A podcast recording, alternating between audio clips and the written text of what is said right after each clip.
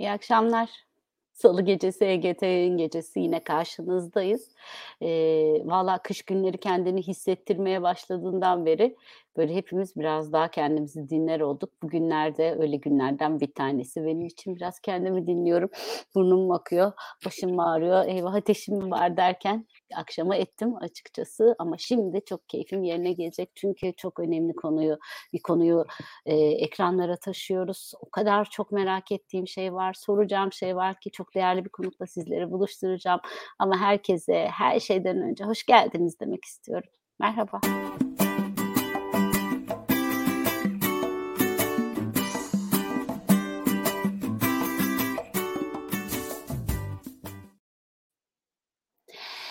Her şeyi, eee, soracağım dedim ama yani konu ne derseniz konu biraz dijital dünya, biraz teknoloji. Hani şu girdide mertlik bozuldu mu, bozulmadı mı diye kendi aramızda konuştuğumuz, bu çocuklar yerlisi de biz niye bunun göçmeniyiz diye hayıflandığımız mevzuya biraz, eee, olta atacağız bugün. Eee, bu alanın hem önemli sesi hem sevilen bir sesi, sevilen sesi olduğunu da gururla söylemek istiyorum. Pek çok izleyicimiz, izleyenimiz, "Oh be, evet nihayet beklediğimiz isim." dediler. Çok mutlu oldum. Eee, değerli hocam Aysun Güneş bizde olacak. Aysun hocam hoş geldiniz. Hoş bulduk Ece Ece hocam. Nasılsınız, iyi misiniz? E, valla işte kış gibiyiz hocam. Öyle dediğim gibi elimde şey, Evet. eee, çay, bitki çaylarıyla yaşamaya çalışıyorum. Eee, değerli hocam, eee, açıkçası seveninizin bu kadar çok olmasının nedeni tabii ki güler yüzünüz, eee, yumuşak vicdanınız ve, hoşgörülü, eee, alanın hoşgörülü seslerinden biri olmanız ama bir yandan da çok derinleşen ve insanı insan olarak kabul eden araştırmalar. Yani akademik dünyanın dışından biraz insanı insan olarak kabul eden, hatalarıyla, sevaplarıyla kabul eden bir ses tonunuzun olması olduğunu düşünüyorum. Bu yüzden de burada sizi bu ses tonuyla ben de ağırlamak istiyorum. Çünkü ben de bir anneyim ve çok sorun var. Doğru bildiğim çok yanlış var. Biz bugün aslında bu dijital dünyayı deşeceğiz ve dijital eşitsizlik üzerine konuşacağız dedik sizle. Eğer izin verirseniz, eee, konuya girmeden önce bir arkadaşlarımı selamlayayım. Siz de bu arada ilk sorunun cevabını şimdiden şöyle bir kafanızda gezdirin. Çünkü ben önce dijital eşitsizlikten başlamak istiyorum. Bunu soracağım size. Ama sizden bir önceki aşamamda Kerim'e hoş geldiniz demek istiyorum ve bütün ekibime, değerli ekibim, arkada çalışan arkadaşlarım. Artık onları ekran önünde görmek istiyorum. Artık demek isti desinler istiyorum. Biz de bir soru soracağız. Biz de bu yayında olmak istiyoruz desinler istiyorum. Söz herhâlde böyle mesaj ulaşıyordur, eee, arkadaki ekibe ama hoş geldin Kerim. İyi ki davet ettin bizi. Hoş bulduk hocam, merhabalar. Eee, Tarık, Yasin, ben, Merve Aydın, Merve Kılçak, eee, ve de Yağmur'la birlikte, eee, bu mesajınızı aldık. Eee, şu anda değerlendirmeye aldık ama, eee, uygulama kısmına yakın zamanda geçirmeyi istemiyoruz. Çünkü sizi ekranlarda görmek, eee, Aysun hocam da bana katılacaktır, eee, hâlâ istediğimiz bir şey. Eee, ama mesajı en kısa süre içerisinde, eee, değerlendirip sonuçlandırmaya almaya çalışacağız. Kısa sürede Can belki bir 5 yıl, bir 10 yıl. Olun, yani olun bu, ııı, olun mesajıydı hocam. Başka nasıl anlatabilirim bilmiyorum. Kayıtlara geçsin lütfen. Kayıtlara geçsin. Arkadaşım olmak ya da olmamak değil ki mesele. Önemli olan ekip olduğunu şuradan biz nasıl güzel bir ekibiz diye insanlara anlatabilmek. Bak Aysun hocam ne dedi ilk girdiğimizde?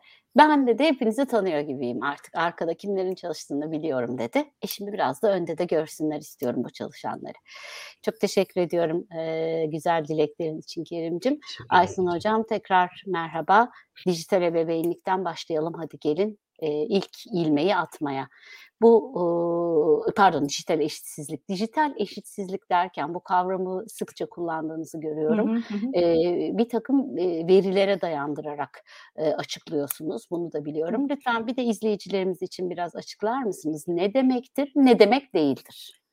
Evet, eee, öncelikle, eee, ben şu cümleyi kurmadan başlarsam içim rahat etmez. Buyurun Çok uzun hocam. zamandır sizi takip etmek ve burada olmak benim için çok güzel bir duygu. Yani o kadar keyifli takip ettiğim bir programın içinde şu an, sağ bulunabilmek benim için de herhâlde sizin için söyleyebileceğim en güzel şey bu kadar öğretmeni, bu kadar eğitimciyi siz de böyle bu kadar içten bir sesle bir araya getiriyorsunuz. Her zaman bu kadar uzun zamandır teklemeden, eee, gayet güzel bir şekilde bizlere ulaşıyorsunuz. Farklı insanlarla buluşturuyorsunuz. Farklı düşünce tarzları, farklı uzmanlıklar.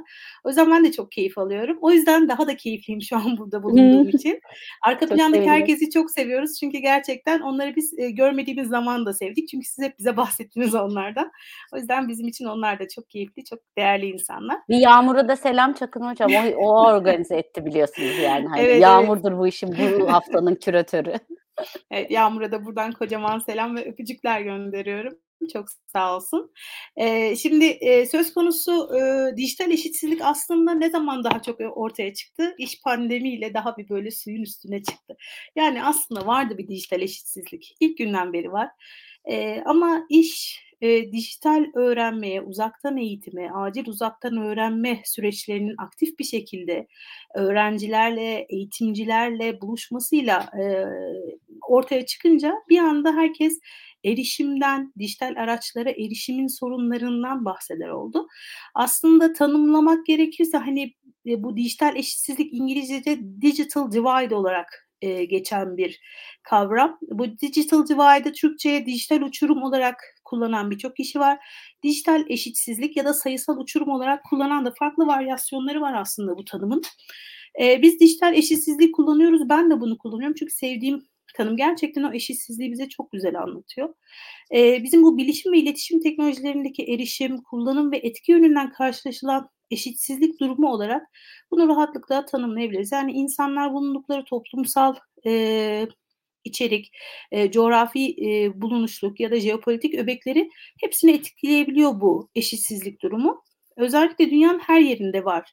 Eee, herkesin teknolojilere, eee, içeriklere ulaşma, eee, şekli, ulaşma hızı, eee, aynı şekilde olmuyor.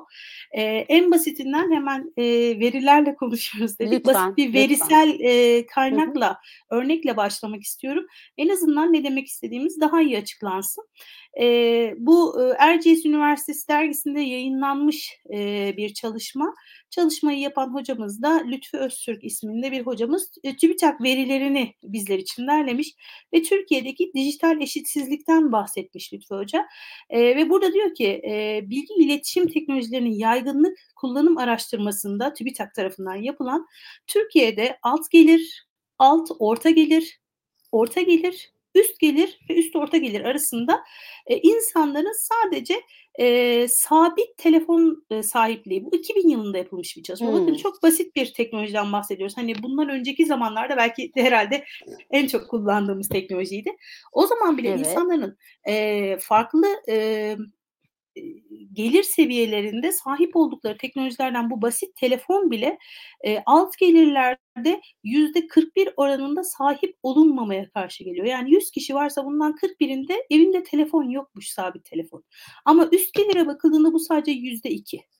Yani o Hımm. zaman bile böyle bir, eee, veri karşılaştırıldığında insanların gerçekten, eee, bu kadar büyük farklılıklara ulaştığını görebiliyoruz. Aynı şeyi yıllardan sonra cep telefonu için yapmışlar ve bu cep telefonuna bakıldığı zaman üst gelirde bu yine 2000'li yılların ilk çeyreğinde %5'lik bir yoklukken, eee, en üst, eee, pardon en alt gelirde bu %30'larda, %40'larda bir veriye karşılık gelmiş. Hımm. Yani insanlar gerçekten birçok teknolojiye, eee, bu dijital erişimin olmaması yüzünden ulaşamıyorlar zaten.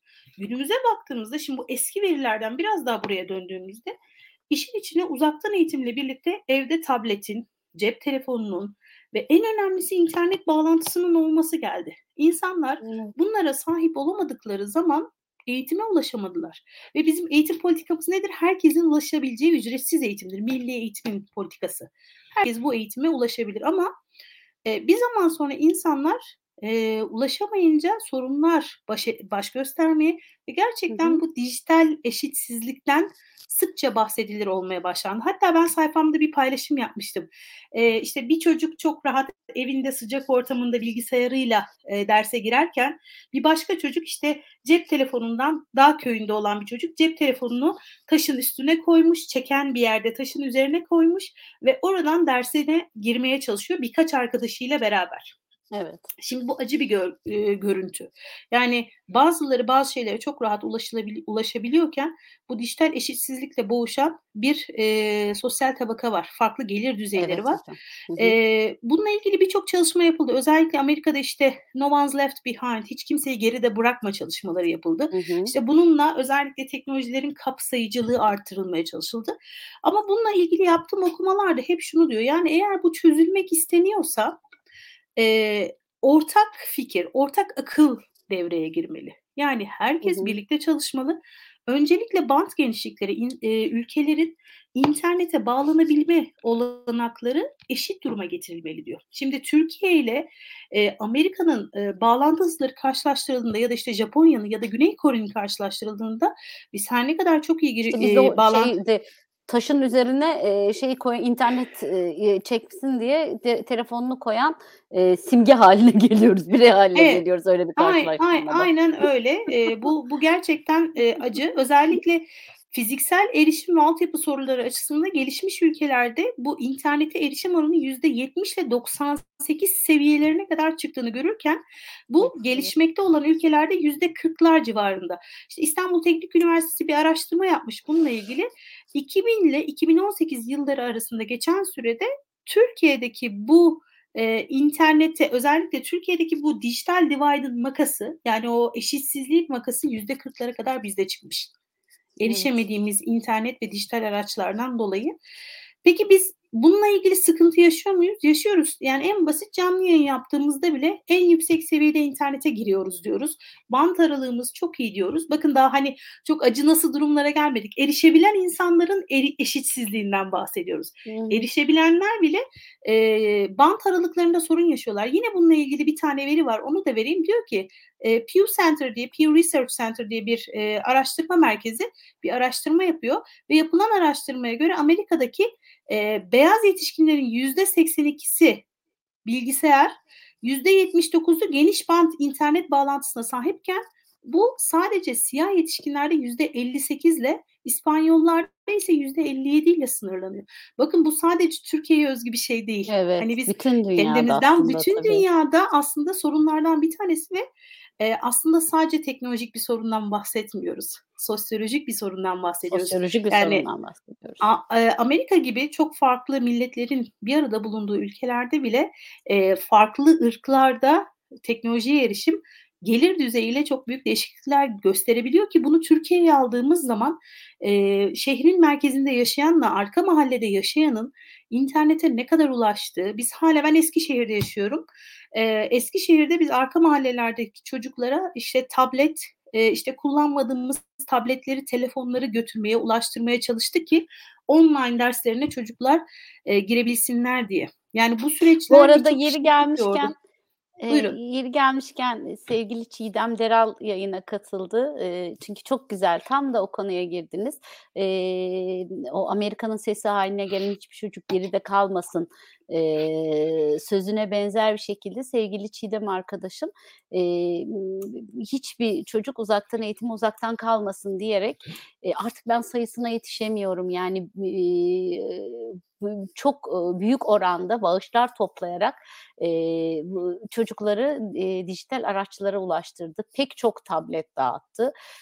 Hı. açıkçası, ııı, Ziya, hocam Milli Eğitim Bakanıyken, eee, Ziya hocam da kendisine çok defalarca benim vasıtamla ve ekibi vasıtasıyla teşekkür etti.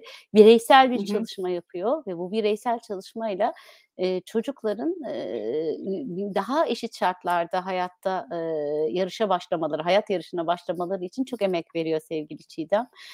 Hı hı. o buradan bizim programımızı alkışlamış. Ben de yeri geldi onu yaptıklarını alkışlayayım. Lütfen, eee, CD1 hatta sosyal, eee, sorumluluk projesi geliştirdi. Kendisi bir, oje satıp, o işte 10 tane oje Biz de satıp aldık. aldınız değil mi? Tabii. Yani oje Evet. satıp eee, tablete dönüştürmeye çalıştı bunları.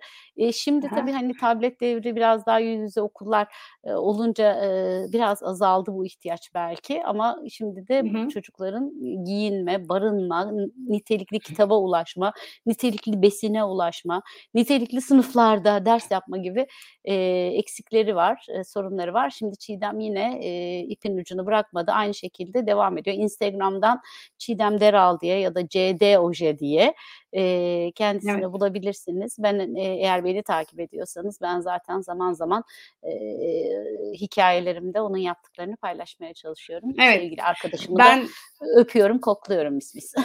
o Buyurun hocam. konuda da özellikle ben de Uğur hocama teşekkür ediyorum. Ben de Uğur Mert aracılığıyla kendisine ulaşabilme Evet, Çiğ, şansına Çiğde, eriştim. evet Çiğdem'e e, bir gün şöyle oldu. Hatta Çiğdem'le ilgili bir şeyi ben takip ediyordum ve Uğur'a gönderdim. Dedim ki Uğur bak bu çok ilginç bir şey. Aa dedi bu da o da ben de dedi şöyle şöyle yaparım dedi.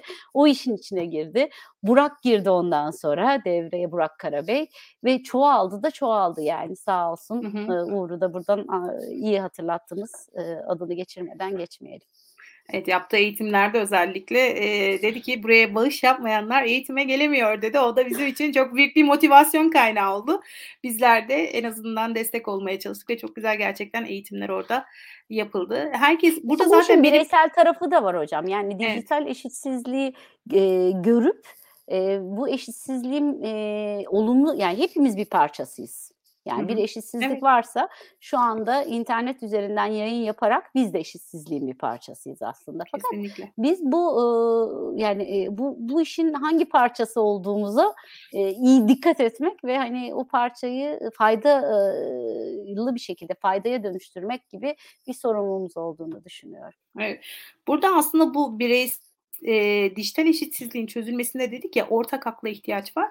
Bu ortak hı. aklın içinde e, STK'lar, Çiğdem Hanım gibi girişimler, bireylerin yaptığı girişimler aslında çok kıymetli. Yani benim bununla ilgili hep aklıma işte bir deniz yıldızını kurtarmak gelir ya da işte e, küçücük bir e, alana e, sadece kendi başına ağaç dikerek o çorak alanı yeşe- yeşerten insanlar gelir. Aslında hepimiz bir şeyleri yapmak için çabalıyoruz.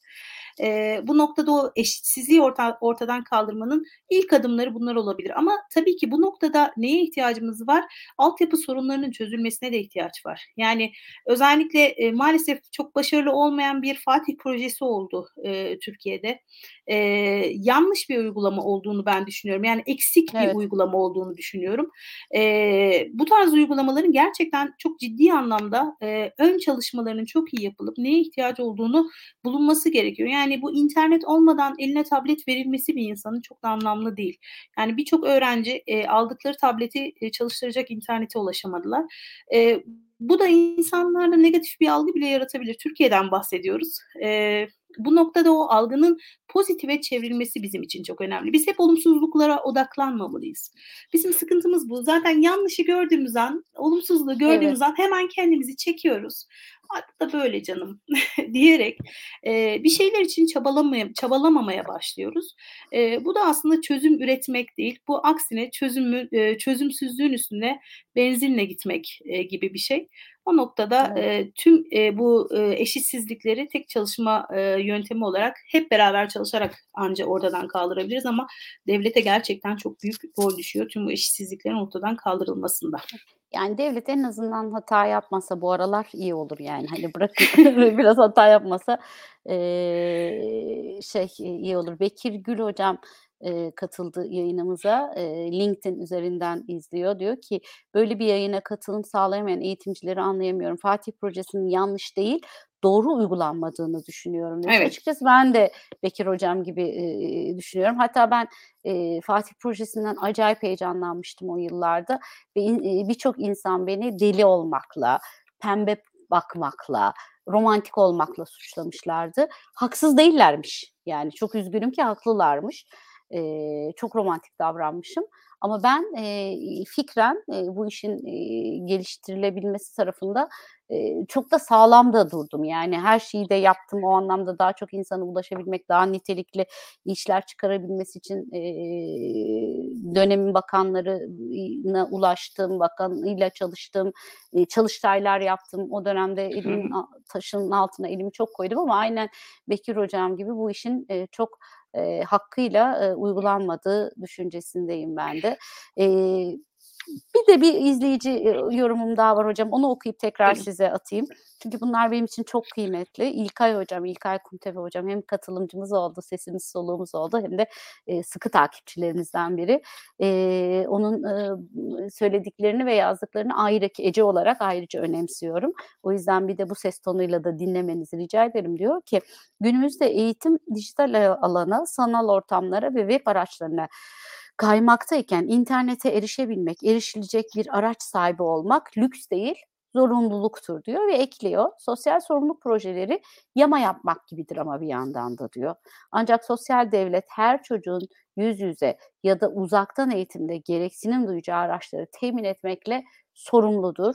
Halkına eğitimi sağlayacak olan devlettir diyor. Sizin de sadece zaten son cümlede söylediğiniz gibi devlete büyük görev aslında devlete büyük görev düşmüyor. Bu görev ya düşen bir görev yok. Zaten bu görev onun. E, Çocuklarla Ankara diye bir hesapta harikasını severek takip ediyoruz e, sizleri demiş. Biz de e, bizi takip edenleri sevgiyle kucaklıyoruz, alkışlıyoruz. Buyurun hocam. Şimdi e, bu noktada ben yine hani e, çok da konuşulan bir konu olduğu için özellikle bir cümleyle geri dönmek istiyorum Fatih projesine. İlk önce hı hı. size demiştim ki biz hata yaptığımızda direkt orayı bırakıyoruz. Fatih projesinde evet. yapılan hataların üzerine gidip düzeltilebilirdi. Çözümler evet. üretilebilirdi. Bizim orada en büyük e, sıkıntılarımız oldu. Yani biz mesela dijital eğitime geçtiğimizde EBA'ya yaptığımız gibi mesela. Yaşandı. Değil mi? EBA EBA'da ilk aynen çıktığında öyle, aynen öyle. E, şeydi yani ne kadar çok heyecanlandık, ne kadar güdük denildi. Hani içerik yoktu evet. hakikaten ama sonra e, salgın koşullarında en oldu? çok kullandığımız ve çok güzel. Ya ben bazen insanlara EBA çok güzel diyorum bana böyle ters ters bakıyorlar ya olur mu? Çünkü girip bakılmamış bile yani hani evet. ne acıdır. Evet. Diyor evet, ki yani hocam burada... tatil projesi geçtiğimiz hafta içinde 50 bin adet aidata 17.500 adet Arçelik akıllı TV alım sözleşmesi yapıldı diyor. Ee, Nurseli Tamer de sevgili Aysun tane tane vurguların çok kıymetli demiş. Yine sevilen bir konu ağırlamanın güzelliği tabii. Çok teşekkür ederim Nursel Hanım'a. Ee, şimdi burada o, o noktayı mutlaka geçmemiz gerekiyor. Yani bizim üstesine gitmemiz, üstüne gitmemiz, projelerin hatalarından dersler çıkarıp farklı projelerle, yepyeni isimlerle değil, o isimlerle hataları düzeltmemiz gerekiyor.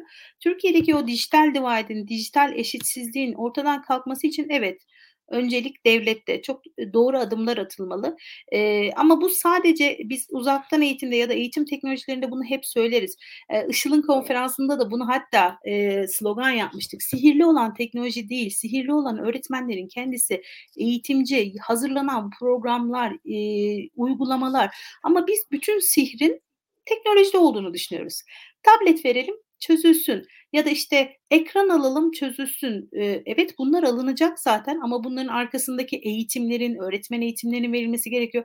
Fatih projesi yıllar önce yapıldı ama e, çok ciddi bir öğretmen eğitimi eksikliği vardı. Sonrasında bunlar zamanla tamamlandı ama biz onun eksikliğini en çok nerede hissettik Ece Hanım? Uzaktan eğitim başladığında hissettik. Tabii tabii. Yani, yani iş kucağımıza bütün... gelince hissettik. Evet, maalesef e, ve o noktada öğretmenler öğretmenlerimizi ben alkışlıyorum her seferinde. Çünkü çok zor bir e, hengamenin, bir karmaşanın içinde hem işlerini devam ettirmeye çalıştılar hem öğrenmeye e, ve adapte olmaya çalıştılar. Bu çok zor bir e, süreç ve teknoloji eğer hakim değilseniz, ilgi alanınıza girmiyorsa bir anda sizin öğrenebileceğiniz bir şey değil. Sıkılabilirsiniz, hoşlanmayabilirsiniz. Bakın bu dijital divide'ın içinde öğretmenler de var. Aynı o eşitsizliği onlar da yaşıyorlar. Bazı öğretmen karakter gereği çok sevebilir. Bazısı hiç hoşlanmaz. Alanı gereği birisi teknolojiyi çok kullanır. Uğur hocam gibi mesela çok iyi kullanan bir matematikçi Uğur hocam. Her alanında kullanıyor. Gördüğü bir e, görselde bile matematiği düşünüp onu teknolojiye dahil edip bir şekilde uyguluyor. Ama bunu hiç yapmayan bir matematik hocası da olabilir. Bu insanları aynı potada eritip onlara teknolojiyi eğitimde nasıl kullanacaklarını öğretmek ve bu eşitsizliği aslında en temelinde öğretmenlikte öğretmenin eğitim sürecinde ortadan kaldırmak gerekiyor. Evet. Evet çok haklısınız. Peki hocam biraz yavaş yavaş şeye de geçelim mi? Bizi izleyen hatır sayılır ebeveyn ya da öğretmen ebeveynler var. Çocuklarımızın dijital güvenliğini de konuşmak konuşmadan geçmek istemiyorum programı yaraladığımız bu dakikalarda. Çocuklarımızın e, dijital güvenliği e, deyince e, bizim kendi güvensiz alanımız ortaya çıkıyor açıkçası. Hem cehaletten hem e, onların dijital e, açıkladı e, girişte de söylediğim gibi onların dijital yerle bizim e, bu konuda e, tamamen göçmen olmamızdan kaynaklı yönetemediğimiz yönetme konusunda da çok da böyle iddialı olamayacağımızı düşündüğümüz bir alan bu. E, bekleyen bizi bekleyen sorunlar neler? Çocuklar açısından ya da araştırmalar neler söylüyor? Siz bu alanda çalışan biri olarak e, dikkatinizi neler çekiyor? Ailelere neler söylersiniz? Şimdi e, öncelikle şunu söylemek istiyorum. E, teknoloji dendiğinde anne babalar çok ciddi bir korkunun içine giriyorlar. Hı-hı. Hak veriyorum. Çünkü gerçekten bilmediğimiz çok büyük bir kara kutu var önümüzde. Hep işte o yüzden çocuğumuzu... dijital göçmeniz diyoruz ya yani bilmediğimiz evet. bir şeye tak diye göçmen olarak geldik Aynen. diyoruz. Aslında ama evet. Biraz daha deyin, geniş düşündüğümüzde biz anne babalığa da aslında göçmeniz. Ve çocuğumuz olduktan sonra o konuya yerli oluyoruz. Yani hmm. onu biz çocuğumuz olduktan sonra öğreniyoruz. Nasıl bazı şeyleri çocuğumuz olduktan sonra yapmayı öğreniyorsak Aynı şekilde teknolojideki basit kuralları, bakın ben hiç kimseye şey demiyorum, hayır yazılımcı olacaksınız, şu uygulamalara nasıl gireceğinizi çok iyi bileceksiniz. Böyle bir şey değil bu. Ee, anne baba en azından çocuğunun e, hangi içeriklere ulaşacağını, yani çok basit hani işte göstergeler var, PEGI kuralları, artı 18, artı 6, içinde şiddet var, şiddet yok gibi bazı görseller var. Bunun gibi görsellerin ne anlama geldiğini ya da işte YouTube'u e, tek başına yatak odasında gizli saklı izlememesi gerektiğini çocuğunun. E, bunların hepsini aslında biz ebeveynler olarak nasıl çocuk doğduğunda ben 6 aylıkken hangi yemeği vermeliyim sütüm yoksa ee, varsa işte bir yıllıkta neyi verebilirim? Bunları öğreniyoruz biz hepimiz. Aynı şekilde çocuğumuzun dijital araçlarla haşır neşir olmaya başlayacağı yaşlarda. Bu bazıları için işte Amerikan Pediatri Akademisi diyor ki 2 yaştan itibaren olabilir. Fransız Pediatri Akademisi onda bile hem fikir değiller bu arada. Evet. Onlar da diyor ki 3 yaşından itibaren alabilir. 3 yaşından önce asla dijital ekran dahi göstermeyin. Televizyonu dahi görmesin çocuk diyor. Ama Türkiye koşullarında her evde televizyon, e, oturma odalarının, salonlarının merkezinde bulunurken bu zaten Türkiye'de birçok kişi için hani uygulayan çok insan da var bu arada. Çok fazla dikkat eden de var. Ama uygulamayan da çok büyük bir kitleden bahsediyoruz. O yüzden e, çocuğumuz ekranla karşılaştığı zaman biz çocuğumuza ekranda neyi göstereceğiz? Neyi göstermeyeceğiz? Nasıl kural koyacağız? Bunları aslında küçük yaştan itibaren ilk eline tablet mi aldı bir YouTube videosu izlemek için? Ya da çok güzel bir İngilizce öğrenme uygulaması var. Benim çok hoşuma gitti. Hı-hı. Diyorum ki çocuğum buradan hem şarkı dinlesin. Mesela Khan Akademi Kids çok tatlı bir Hı-hı. uygulama. Diyorum ki çocuğum buradan hem şarkı dinlesin hem İngilizce saymayı öğrensin. Bunu dedikten sonra çocuğuma tableti verdiğimde çocuğumla artık kuralları özellikle ilkokul çağına girdikten sonra kuralları konuşabiliyor olmalıyım. Sizle de konuşmuştuk başlamadan önce. Benim de bir oğlum var. E, sizin de bir kızınız var ve e, benim oğlum 11 yaşında. Şimdi e, kuralları oğlum erken başladı. Yani 3,5-4 yaşından sonra e, tablet hı. kullandırmaya başladım uygulamalarla. E, özellikle dil gelişimi için, yabancı dil gelişimi için. Hı hı. E, hı. Bu noktada bazı kurallar koydum. İşte özellikle küçükken e, süre ve içerik sınırı yaptık. Sonra sordu bana neden bunları koyuyorsun dedi. Dedim ki bunların böyle olması gerekiyor. Çünkü şunlarla karşılaşabilirsin. Tehlikeli içeriklerle. Hı hı. Küçükken çok anlamadı. Böyle bazen kızıyordu bana. Neden öyle diyordu. Hı. Ben de onunla yüz göz olmamak için şöyle bir çözüm bulmuştum. Ebeveyn kontrol programı kullanıyordum. Ebeveyn denetim hı hı. programı. Yani işte hı hı. Apple'daysa Apple Screen Time, time ya da hı hı. işte Kaspersky'nin e, Kaspersky Kids, Save Kids, Save Kids uygulaması hı. ya da Google kullanıyorsa Google Family Link. Muhteşem uygulamalar. Siz Muhteşem kendi telefonunuzu elinize alıyorsunuz. Burada e, bütün e, kurulumunuzu yapıyorsunuz. Çocuğunuz mesela o uygulamada yarım saat geçirdikten sonra kapansın mı istiyorsunuz tablet? Yarım saati bittiği zaman kapanıyor. Hı hı. Ve sizin şifreniz olmadan orayı tekrar açamıyor. Yani Hı hı. ilk özellikle ilk alışma evrelerinde bunlar kullanılabilir. Yani ben şu an herhangi bir şey yapamıyorum, kapandı. Demek ki uygulama böyleymiş küçük yaşlarda. Hı Böyle hı. şeyler kullanılabilir. Büyüdükten sonra bunların mutlaka açıklanması lazım. Yani özellikle dijital ebeveynlikteki en büyük ve en önemli nokta iletişim. Ben Çocuğumuzla şöyle düşünüyorum hocam. çok zorlanıyor. Biz Buyurun. dij eee, dijital aracı, yani sizin söylediklerinize belki, bir kapı açar diye düşünüyorum işin pedagojik tarafına baktığım zaman. Dijital aracı çocuğumuzu susturmak, çocuğumuzun zamanını geçirmek, biraz çocuğumuzu oyalamak için veriyorsak, ondan sonra da süre bitti diye sınırlıyorsak, zaten başlı başına pedagojik olarak yanlış bir şey yapıyoruz. Oysaki Kesinlikle. gerçekten belirli bir zamanda, belirli bir amaçla bu aracı o küçük yaşlarda veriyorsak zaten bitimli bir şey olduğunu, eee, ifade etmiş oluyoruz. Çünkü bir neden hı. ve sonuç ilişkisiyle veriyoruz. Yani mesela diyorum ki, eee, bu uygulama sizin dediğiniz işte yabancı dil uygulama, bu uygulama senin yabancı dilini geliştirecek ve gerçekten sen buradan çok güzel şeyler öğrenebilirsin. Senin 15 dakika bunun onunla oynamanı, eee, rica ediyorum ya da sen bence bak bunu onunla bunu oyna dediğiniz zaman zaten o 15 dakika oynaması gerektiğini biliyor. Öbür türlü ben şahsen çocuğa yalan söylemenin, çocuğu yönetemediğimiz zaman yaptığımız bir şey olduğuna inanıyorum, hı, pedagojik hı hı. olarak ve buna bunun, eee, yani bir çocuğun, eee, hayatını, sürecini yönetememenin de ebeveynlikle, eee, çok yakından alakalı olmadığını düşünüyorum. Yani böyle hani zayıf nokta gibi düşünüyorum. Ben hiçbir zaman Kesinlikle. hiçbir çocuğa hangi yaşta olursa olsun yalan söylememizden ya da onu oyalamamızdan, idare etmemizden yana değilim. Tam anlamıyla hı hı. doğru zaman. Yani biz genelde şöyle yapıyoruz. Ben de o uygulamaları kullandım bu arada o yaşlarda. Fakat hep söyledim. Bu yani bu senin bu kadar zamanlık şey kullanman doğru. Bundan sonrası sana zararlı, eee, ve bu yüzden de biz bunu birlikte kuruyoruz diyerek, hı, hı. eee, yani her zaman, eee, bu anlamda Açıklamasını bilinçli. yaptım Çünkü diyorsunuz. neden biliyor musunuz? Eee, biz bu bilinci zaten geliştirmekten sorumlu devlet bakanıyız bu evde, değil mi?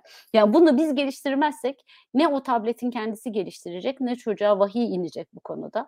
Biz bunu, bu motifi örmekten sorumluyuz. Dolayısıyla bu sorumluluğu üzerimize alalım. Hı hı, hı. bu sorumluluğu zamanında üzerine almazsan, eee, sen bu konuda yapılandırmazsan süreci, eee, boşluğa düşüyor çocuk ve dediğiniz gibi bu sefer, eee, tutsağı hâline geliyor ama inanın çocukta bir suç yok. Yine Evet. ailelerde. Evet, kesinlikle. Bu noktada işte, eee, ebeveynin farkındalığı çok önemli. Verdiğim örnekte şöyle bir şey vardı. Özellikle alt yaş gruplarında, eee, bana çok fazla ebeveyn danışıyor. Ben oğlumun elinden işte anlatıyor. 4 yaşında çocuğum var. Oğlumun elinden tableti alamıyorum diyor. Ne kadar oynuyor diye soruyorum. 5 saat, 6 saat oynuyor diyor. Bakın 4 yaşındaki bir çocuktan bahsediyoruz. Aldığınızda ne Ya. oluyor peki diyorum. Eee, ağlıyor, kendini yerden yere atıyor diyor. Bakın hani böyle basit bir ağlama değil. Belki çocuğun fıtratı çok çılgın. Gerçekten çok fevri bir çocuk. Eee, ama annenin o çocukla bu tarz sorunlarla karşılaştığında nasıl bir yaklaşım sergilediği de çok önemli. Şimdi, Tabii. eee, ben ben çocuğumla ilk baştan beri hep konuştum. Bahsettiğiniz örneğin aynısını uyguladım. Kesinlikle açıkladım. Dedim ki bak bu, bu kadar süresi var. Senin uygulamaları kullanma süren 20 dakika, daha fazlası uygun değil senin için. Gözlerin bozulur, belin ağrır, boynun ağrır. Örnekler verdim. Eee, hatta arada dinlenmelerde mesela işte göz egzersizleri yapardık. Uzağa bakmalar. Mesela uzaktan eğitimde çok yaptık biz bunu. Hani yaşı büyüktü ama onunla mesela, eee, uzun süre ekran karşısında olunca hadi diyorduk şimdi uzağa bakalım, göz kaslarımızı çalıştıralım, sağa bakalım, sola bakalım. Bunların çalışmalarını yaptık ama çok küçük yaş gruplarında, eee, maalesef ekran süresi artık doldu, uygulama kapandı, eee, demek çok büyük sorun hı. olmayacak eğer bu tarz bir çocukla, Hı hı. Hı hı. eee, yaşanıyorsa. Ama sakin ve, eee, dinleyen bir çocukta zaten çok rahat açıklamalar, eee, Zaten evet, yapılabiliyor. Hı. yani uma umarım hepimiz konuşmayı, eee, seçmiş, konuşarak anlaşmayı seçmiş insanlar oluruz. Peki hocam daha ileriki yaşlarda Evet. gelin şu 11-12'lere bak bizim yaşlar, bizim çocuklar bir merak ediyorum. Orada, eee, doğru bildiğimiz ne hatalarımız var kim bilir? Evet, şimdi o o yaşlarda şöyle endişeler oluyor. Eee, başta mesela uygulamaları özellikle, ebeveyn denetim uygulamalarının kullanılmasını, eee, bebeklik olarak gören çocuklar anne babaya karşı çıkabiliyor. Yani ben artık Kaç yaşına büyüdüm kadar neden mesela bunu bunu tavsiye Normalde, 13-15 yaşına kadar rahatlıkla kullanılabilir ama burada şöyle bir, yapılan bir çalışma vardı. Dijital ebeveynlik diye bir çalışma yapıldı, bizim okulumuzda Profesör Doktor Işıl Kabakçı Yurdakul, Evet. başkanlığında. Çok da güzel bir çalışmaydı. Eee, hatta Milli Eğitim'le de ortak ilerleyen zamanlarda çok fazla çalıştılar o projenin devamı olarak. Eee, o projede ve benzeri çalışmalarda şöyle, eee, bir şey söyleniyor. Eee, çocuk eğer yani anne baba bunun en iyi kararını verebilecek kişi. Eğer mesela siz de diyorsunuz, ben de diyorum. Benim çocuğum artık gerçekten belli bir dijital alışkanlığı kazandı ve Hı kendi hı. kurallarını, kendi sınırlarını koyabiliyor. Bunu görebilirsiniz. Yani ne olur?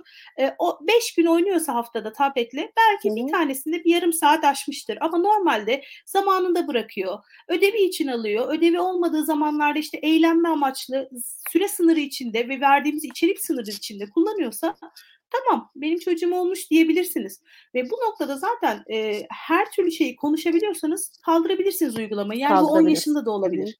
Ben 10 Hı yaşında kaldırdım uygulamanın kullanımını ve şu an konuşarak çok rahat çözümleyebiliyoruz. Hani, hı. olmaması gerekenleri anlatıyorum ama biz şöyle bir kural koyduk. Ben bunu bütün anne baba arkadaşlarıma söylüyorum. Özellikle dijital araç kullanan çocukları olan. Diyorum ki, emm, ko siz başta çok korkarsınız ve aynı korkuyu çocuğa aksat aksettirirseniz, işte, en basit örneğimiz, eee, işte, bu bir oyun değil ama dijital ekranda Squid Game örneği çok Hıh. fazla oldu. Çok ciddi korktu anneler. "Allah, ne yapacağız?" dediler. Adını dahi andırmadılar ama böyle bir dünya yok. Çocuk onu okulda duyuyor. Çocuk onu internette görüyor. Çocuk onu okulda arkadaşıyla arkadaşı telefonuna belki müziğini yüklemiş. "Dıt dıt dıt" diye hı. müziğini Hı yapıyor. Hı hı. Diyor ki, "Anne" diyor, eee, işte, "Bu ne?" dedi. Benim oğlum geldi sordu. "Anne, böyle bir oyun, eee, şey varmış, dizi varmış." Ben izledim diziyi. Eee, "Evet anneciğim, var." dedim. Eee, işte, biraz öldürmeli ve gerçekten yaşına uygun olduğunu sanmıyorum. Eee, hoşuna da gideceğini sanmıyorum. Zaten dili de işte, Güney Kore, Kore dilinde. Hani, İngilizce de değil, anlayabileceğin sıkıcı bir şey. Çokça altyazı okunuyor, bol öldürmeli. "Ya anne, merak ediyorum." dedi. Ben dedim ki, "Yani yaşına uygun olmadığı için izleyemezsin." dedim ve orada noktayı koyduk biz. Ama sonra Yani şöyle bir şey oldu. sınır koydunuz. Evet. Kesinlikle. Sonra şöyle bir şey oldu. Dedi ki, hı. "Anne, bunlarda bir şeker varmış." dedi.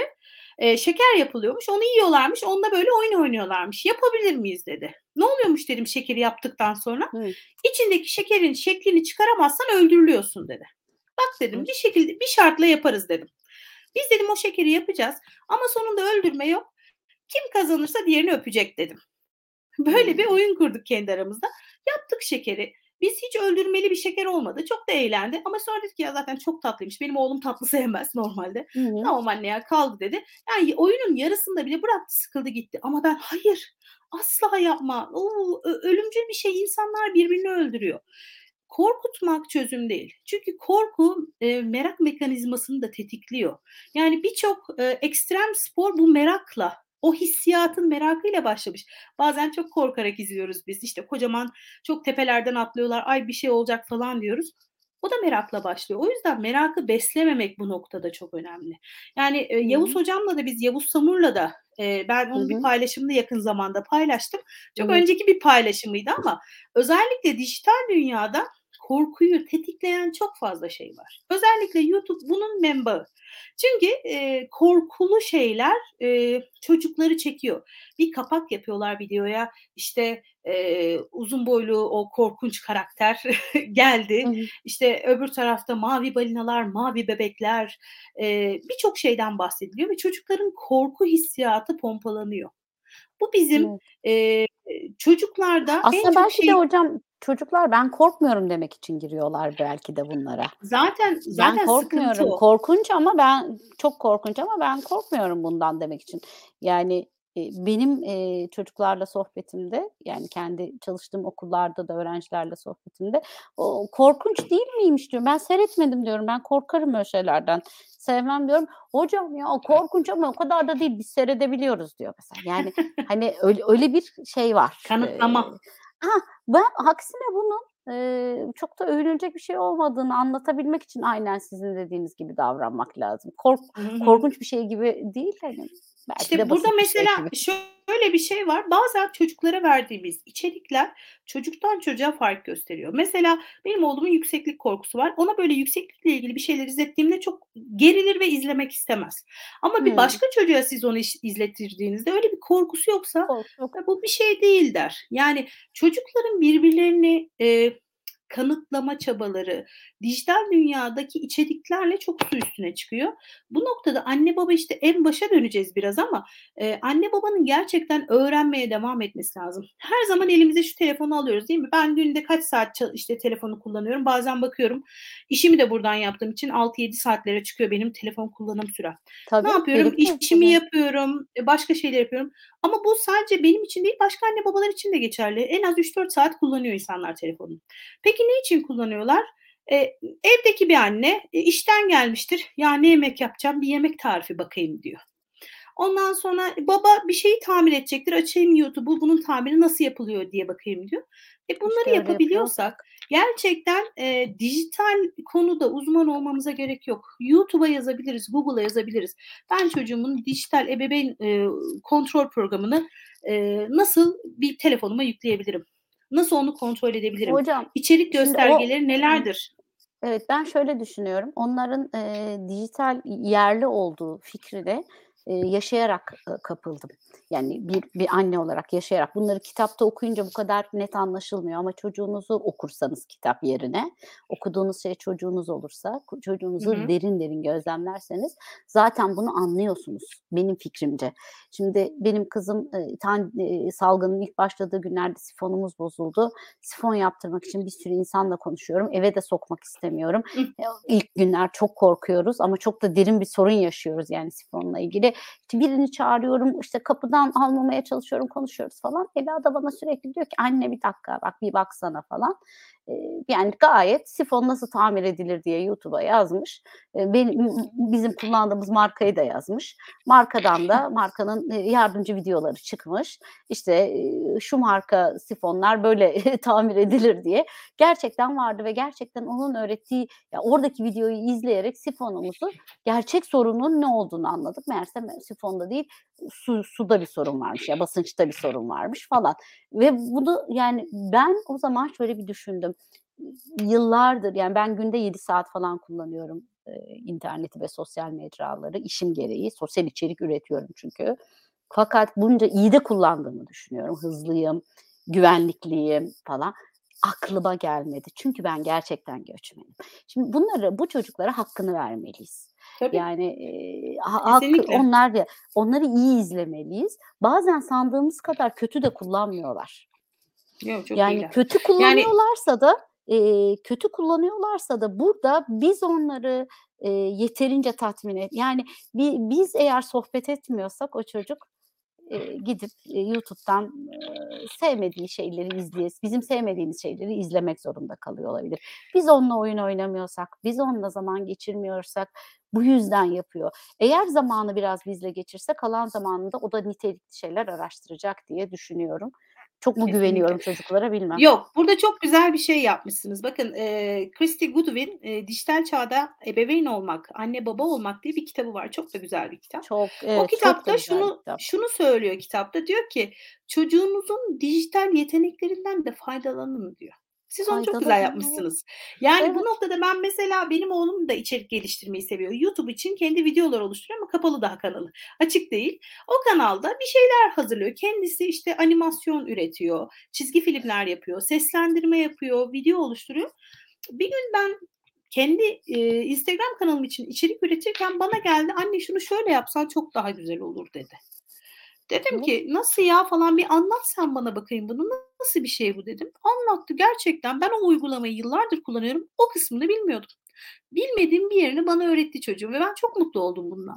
Yani onların, eee, yeten yeterlilikleri bizden çok daha farklı. Çünkü bir teknolojinin içine doğmak var, bir sonradan onu öğrenmek var. Bunlar Bunu içine ama doğdular. gerçekten ailelerin çok iyi anlaması gerektiğini düşünüyorum. Tabii. Yani, işte, yani gerçekten senden benden daha sahip bu çocuk bu alana ve sen onu sınırlamaya çalışıyorsun. Yani ya daha doğrusu sınırlamak da değil, yasaklamaya Yasaklamak. çalışıyorsun. Bakın yasaklamakla sınır koymak arasında çok büyük bir fark var. Yani yine Ela e, okuma yazma bilmiyordu. Daha bir 4, 4 yaşındaydı. Bir şey çizmesi gerekiyor ve ben onu yardım edebilecek durumda değilim köpek mi çizmesi gerekiyordu öyle bir şeydi. Ee, ya bıraktım yani hani ne istiyorsan yap dedim. Çok net hatırlıyorum sesli arama Google'ın e, sesli aramasıyla köpek nasıl çizilir dedi ve YouTube'dan buldu ve oradan öğrendi ve o zaman ben daha sesli aramayı duymuştum fakat hiç hayatımda hı hı. kullanmamıştım. Ve bu çocuk işte 5-6 yaşların yani o, o yaşlarda zaten 6 yaşındayken falan dijital araç kullanmaya başladı. Herkes bana demişti ki aman Ela'ya yasakladım bunca zaman vermedin etmedin çok geri kalacak. Hiçbir şekilde geri kalmadı. 3-4 günde her şeyi çözmüştü. Buradan şu ben şunu yani çocukları övmek ya da hayranlık duymak adına anlatmıyorum bunu. Onların çok doğasında olan bir şey. Aynen. Biz bunu anlamadığımız için gereksiz yere e, gereksiz bir şekilde e, yeriyor da olabiliriz. İşte burada bir, e, ya okullara bir kere bilişim teknoloji öğretmenlerinin girmesi müthiş bir şeydi. Müthiş bir şey. E, çok da nitelikli bilişim teknoloji öğretmenleri var. Bu alana ne kadar ihtiyacımız olduğu da ortada. Ben de çocukları okulda öğretmenlere emanet etmek çok kıymetli diye düşünüyorum. Kesinlikle öyle. Ben e, en son paylaşımlarımdan bir tanesinde siz de hatırlattınız ha. bana. Ben bir şey ha. söylemiştim orada.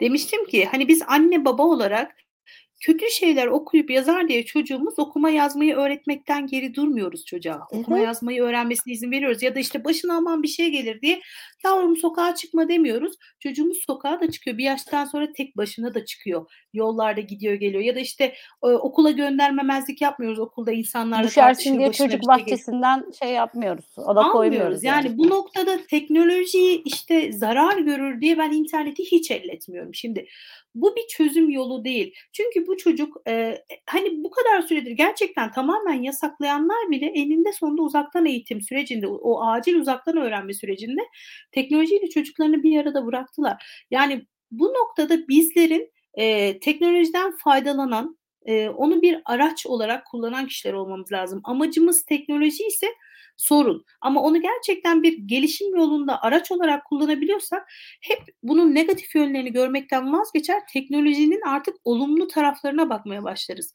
Yani bu noktada biz teknolojiye hep tükaka gözüyle baktık. Ben teknolojik ebeveynler sayfasını bu amaçla açtım. Yani insanlar teknolojiden çok ciddi korkuyor. Ve maalesef Türkiye'de şöyle bir algı var. İşte dijital e, ebeveynlikle ilgili sayfalarda teknoloji çok korkunçtur çocuğunuzu uzak tutun. Şu olur başına bu gelir şu şu gelir bunlarla ilgili çok ciddi bir korkutma politikası yapılıyor. Bizimse çocuğumuzla o iletişimi doğru kurabildiğimizde gerçekten yani güvenlik kurallarını anlatacağız kötü olayları da anlatacağız. Yani yanlış bir şeyi anlatıp bu konuda onu uyarabiliyor olmamız lazım çocuğumuz anladığı yaştan itibaren. Yani e, Nurseli Tamer'in yine e, çok güzel bir kitabı vardı. Orada case'leri anlatıyor. Yani yurt dışında yaşanmış e, çocukların başına gelmiş internetteki yanlış davranışlarından oluşan bir e, case anlattığı sayfa var. Birkaç hmm. tane işte e, e, hikayeden genel genel hikayenin genel mantığı şu.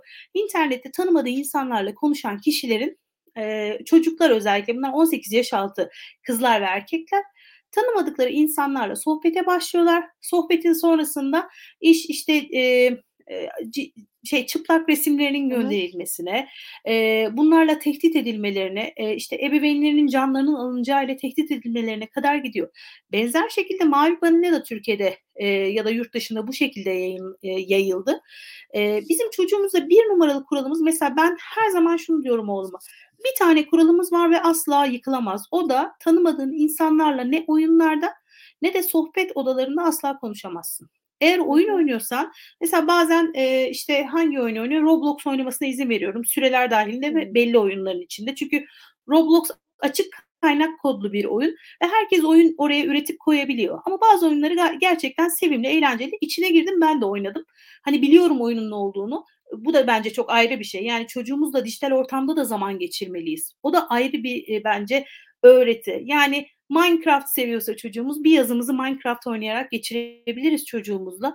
Çok da keyifli. Kısa kısa zamanlar yani orada illaki kötü e, karakter olmak değil. Zaten Minecraft bir inşa oyunu. Biz orada çok güzel madenler bulduk. Madenlerde altınlar bulduk. Altınlarla çok güzel saraylar yaptık. Hastaneler yaptık, şehirler kurduk. Bir şehirde ne olmalı, ne olmamalı tartıştık. Önce çizdik Hı hı. kağıtlara. Yani burada o kesin kuralın dışında teknolojiden keyif de alabiliriz. Ama biz Hı hı. hep şu tarafa kaçıyoruz. Anne diyor ki özellikle anne diyorum. Çünkü hani e, anne bu konularla çocukla daha çok aşırı neşir oluyor. Baba biraz hı. daha geri planda kalıyor ama bence her ikisi de eşit rol almalı. Ama hı. genelde anne olduğu için anne üstünden gideyim. Anne diyor ki ben anlamıyorum teknolojiden hiç.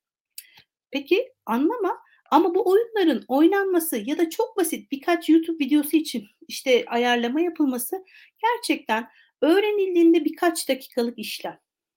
Yani onları öğrenmek için siz dediniz ya ben tamiratını öğrendim YouTube'dan. Hı. Yani Hı bunu Onun yapabiliyoruz. O için yüzden çok anne evet.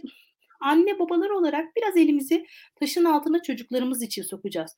Eee, orada Yavuz Hoca'nın sözünün altını çizeceğim ben. Diyor ki eee, nasıl sokakta çocuğunuzun elini bırakmıyorsanız dijital ortamda da bırakmayın diyor. Ben bu sözü ilk kendisinden duyduğumda da çok sevmiştim. Birçok kere de kullandım. Çok anlamlı bir söz. Yani ben çocuğuma zarar gelecek diye sokağa çıkarırken küçükken tutuyorum elinden. E niye onu dijital ortamda al şunu da şurada oyna. Bu çok yanlış bir yaklaşım. Çocuğa ver telefonu gönder odasına. Odasında takılsın. Aç interneti bilgisayarında saatlerce gece 2-3'e kadar oyun oynasın. Gece 2-3 kriminal saattir. Yani çocuğun eee, kimlerle konuştuğu, başına ne gelebileceğinin öngörülemeyeceği saatler özellikle dijital ortamlarda. Bu Evet. noktada biraz daha dikkatli anne baba olabilmek. Geceleri o internetin fişini çekin. Hı Kullanmasın. hı. Uyusun gece ya. Büyüsün yani. Hani o oyunu gece Tabii oynaması tabii tabii. ona bir şey kazandırmaz. Aksine Hı hı. kaybettirir. Hı Yorulur. hı. eee, Hı hı. odaklanamaz. O yüzden 18 yaşına kadar sorumluluk bendeyse ben bu sorumluluğu en iyi şekilde yerine getirmeliyim. Yasaklayarak değil, sınırlandırmak bu noktada en önemlisi. Bazı kurallarım ama bozulmayacak tek kuralın tekrar altını çizelim. Yabancılarla oyunlarda ve sohbet ortamlarında konuşmak asla yok. Evet. Özellikle kişisel bilgileri vermek asla. Hı hı. Çok Evet evet.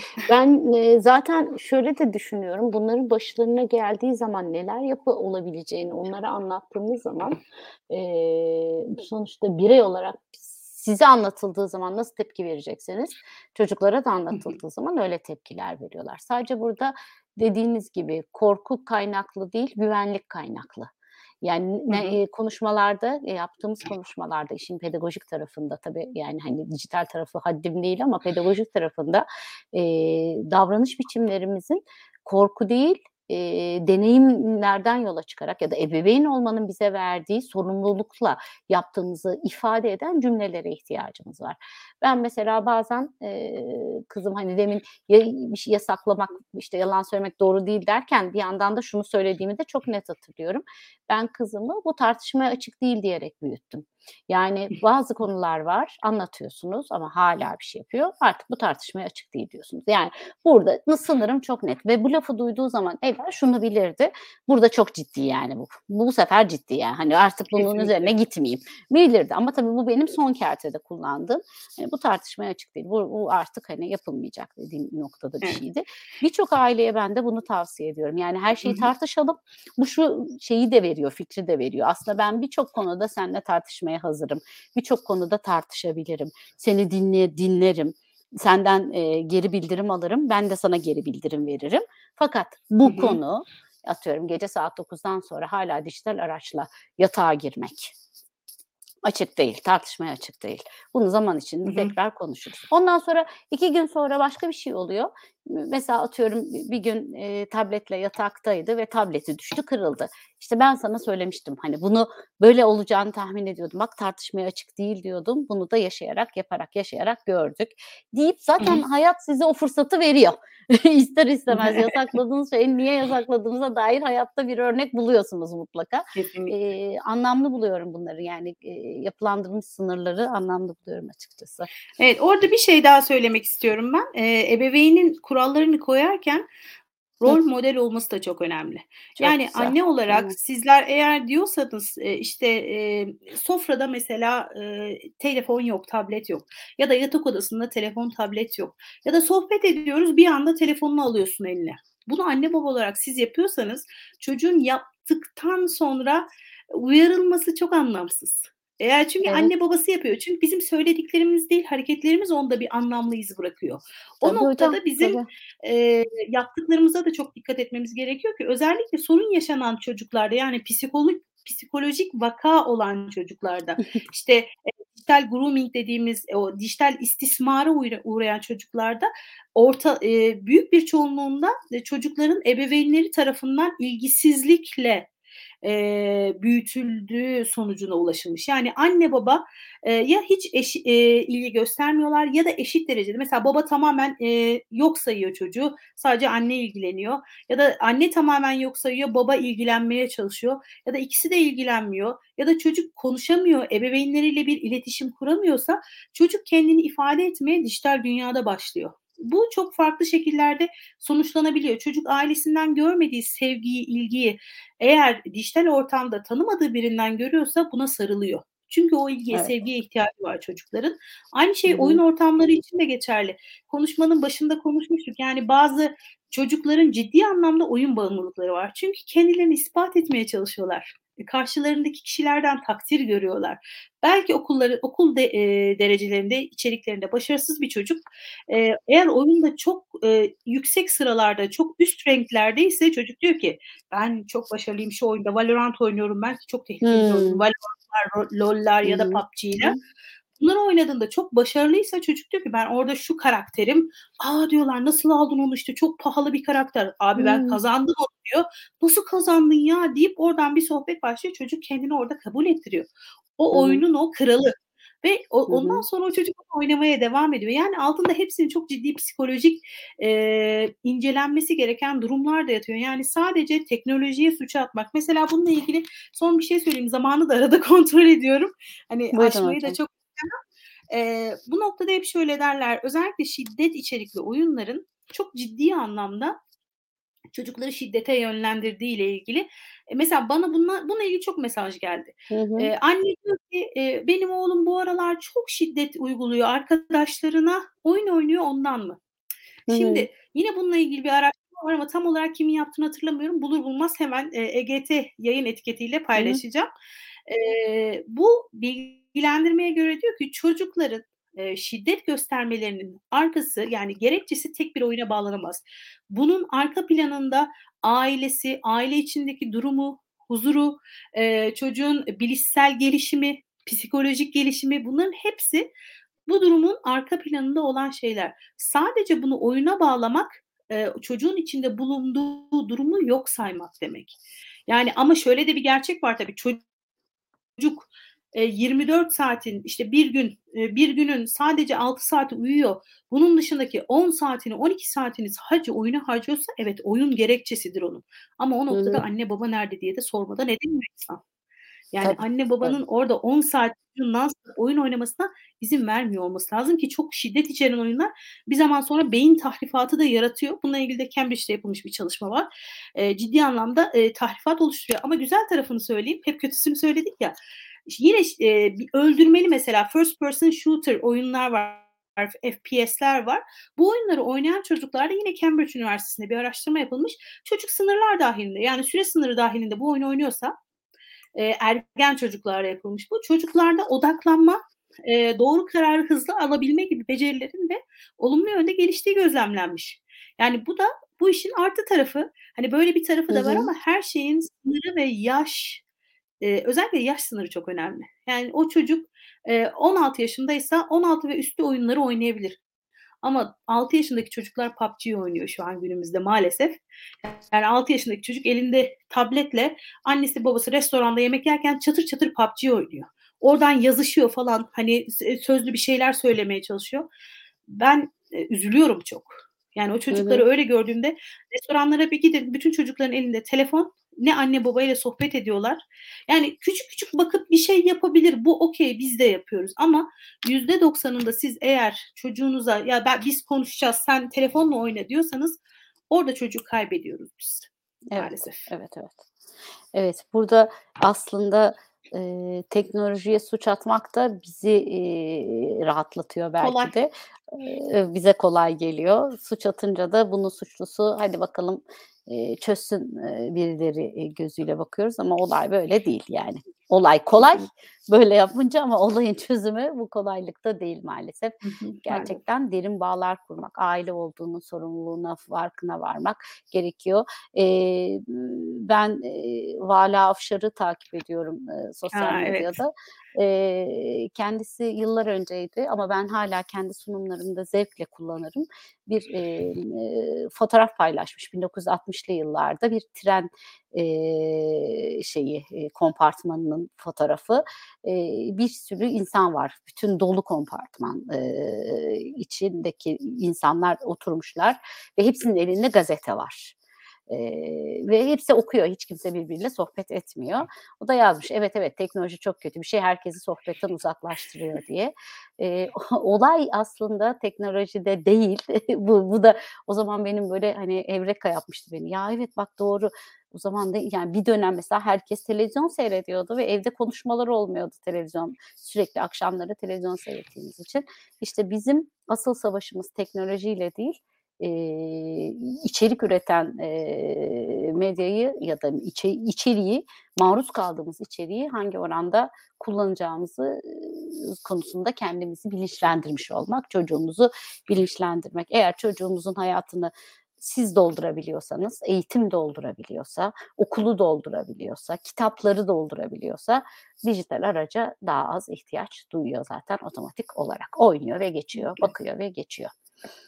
Hocam var mı eklemek istediğiniz bir şey? Ya, ben son bir cümle ekleyeyim. diyeceğim. Lütfen, lütfen buyurun. Evet, benim ben şunu söylemek istiyorum. Anne babalar, eee, kendilerini dinlendirmek için arada telefon, tableti tamam, arada kullansınlar ama bunun süre, eee, aşımına gitmesinler. Çocuklarıyla zaman geçirsinler. Onlarla dışarı çıksınlar, eee, resim yapsınlar, hayal kursunlar.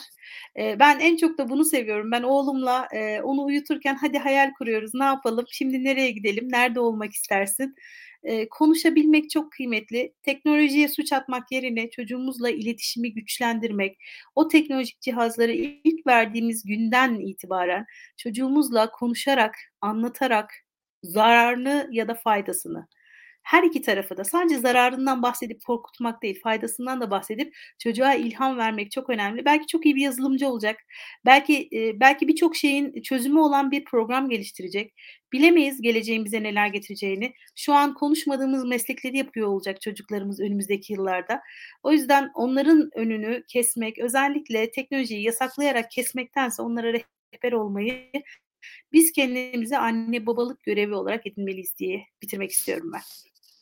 Harikasınız. Birkaç, eee, izleyici yorumunu da ne olur yine izninizle hemen paylaşayım kapatmadan önce. Abdülkadir, eee, Aykut demiş ki dijital öğrenmenin önündeki en büyük engel sürekli tıklama isteği. Yetişkinlerin bile bir videoyu ilerleterek izlediği bir dijital dünyadan bahsediyoruz. Çocuklar ne yapsın demiş. Ekranda baktığımız, ilgilendiğimiz, öğretmeye çalıştığımız bir şeyden daima daha ilgi çekici başka bir bağlantıya açılan bir pencere var. Bu durum bu şekilde sürekli devam ediyor. İşte biz belki, eee, hocamın söylediğini, eee, çok farkında olarak yani bunu afford etmek için aslında anne ve baba olarak nitelikli içerik üretmeliyiz. Nitelikli zaman geçirmeliyiz diyorum. Ya da öğretmenler ya da işte ne bileyim, bir çocukla, haşır neşir olan, hemhâl olan herkesin çok nitelikli içerikler üretmek zorunluluğu var ki başka bir şeye tıklamasınlar. Yine, İlkay hocam, arka arkaya yorumlar yapmış. Onları da lütfen, izin verirseniz okuyayım. Bize teşekkür etmiş güzel sözleriniz ve, şey, dijital arkadaşlığımız için. Yasaklamak ya da sınırlamak değil ama ekran karşısında geçirilen zamanın niteliği önemlidir demiş hocam. İçerik üretmeye yönelik harcanan zaman ile tüketime dönük harcanan zaman birbirinden ayrılmalıdır ve burada asıl bir konuda değişmemiz gerekiyorsa ebeveyn olarak bizim hakikaten nasıl çocuklara içerik ürettirilir kısmına yoğunlaşmamız gerekiyor. İlkay hocam demiş ki te telefon, tablet, TV vesaire çocukların bedava bakıcısı değildir. Onların eline bu araçları kontrolsüzce vermek, hiç bilmediğimiz bir şehrin meydanında onu tek başına bırakmaktan daha da tehlikelidir diye not etmiş. Mustafa Seven hocam takip etmiş bizi. Sizin bir sözünüzü almış. Çocuklarımızı dijital ortam ve ekran zararlarından korumanın bir yolu da ebeveynlerin bu konuda bilinçlendirmesinden geçiyor demiş. Sonra benim sözümü de almış. Hiçbir zaman bir çocuğa yalan söylenmemeli. Gerçeklerden kaçınarak durumu geçiştirmemeliyiz. Uygun bir dille konuşarak sınırları koymalıyız diye benim söylediğimi kayıtlara geçirmiş eksik olmasın ve Dilek Karaçelik hocam demiş ki dijital ortamda ders işlemenin niteliğini de tartışmak gerekmiyor mu? Ki biz zaten baştan beri bunu Kesinlikle. söylüyoruz. Yani dijital araç kullanmak, dijital dünyayı dersine taşımak değil sadece. Ee, sadece bir ekranın kullanılması dijital eşitliği sağlar mı diyor. Yani sadece Hayır. tablet görmek elinde Hayır. Bunun dijital eşitliğe sahip olduğunu gösterir mi diyor. Burak e, şey pardon Buket Yenil hocam katılmış.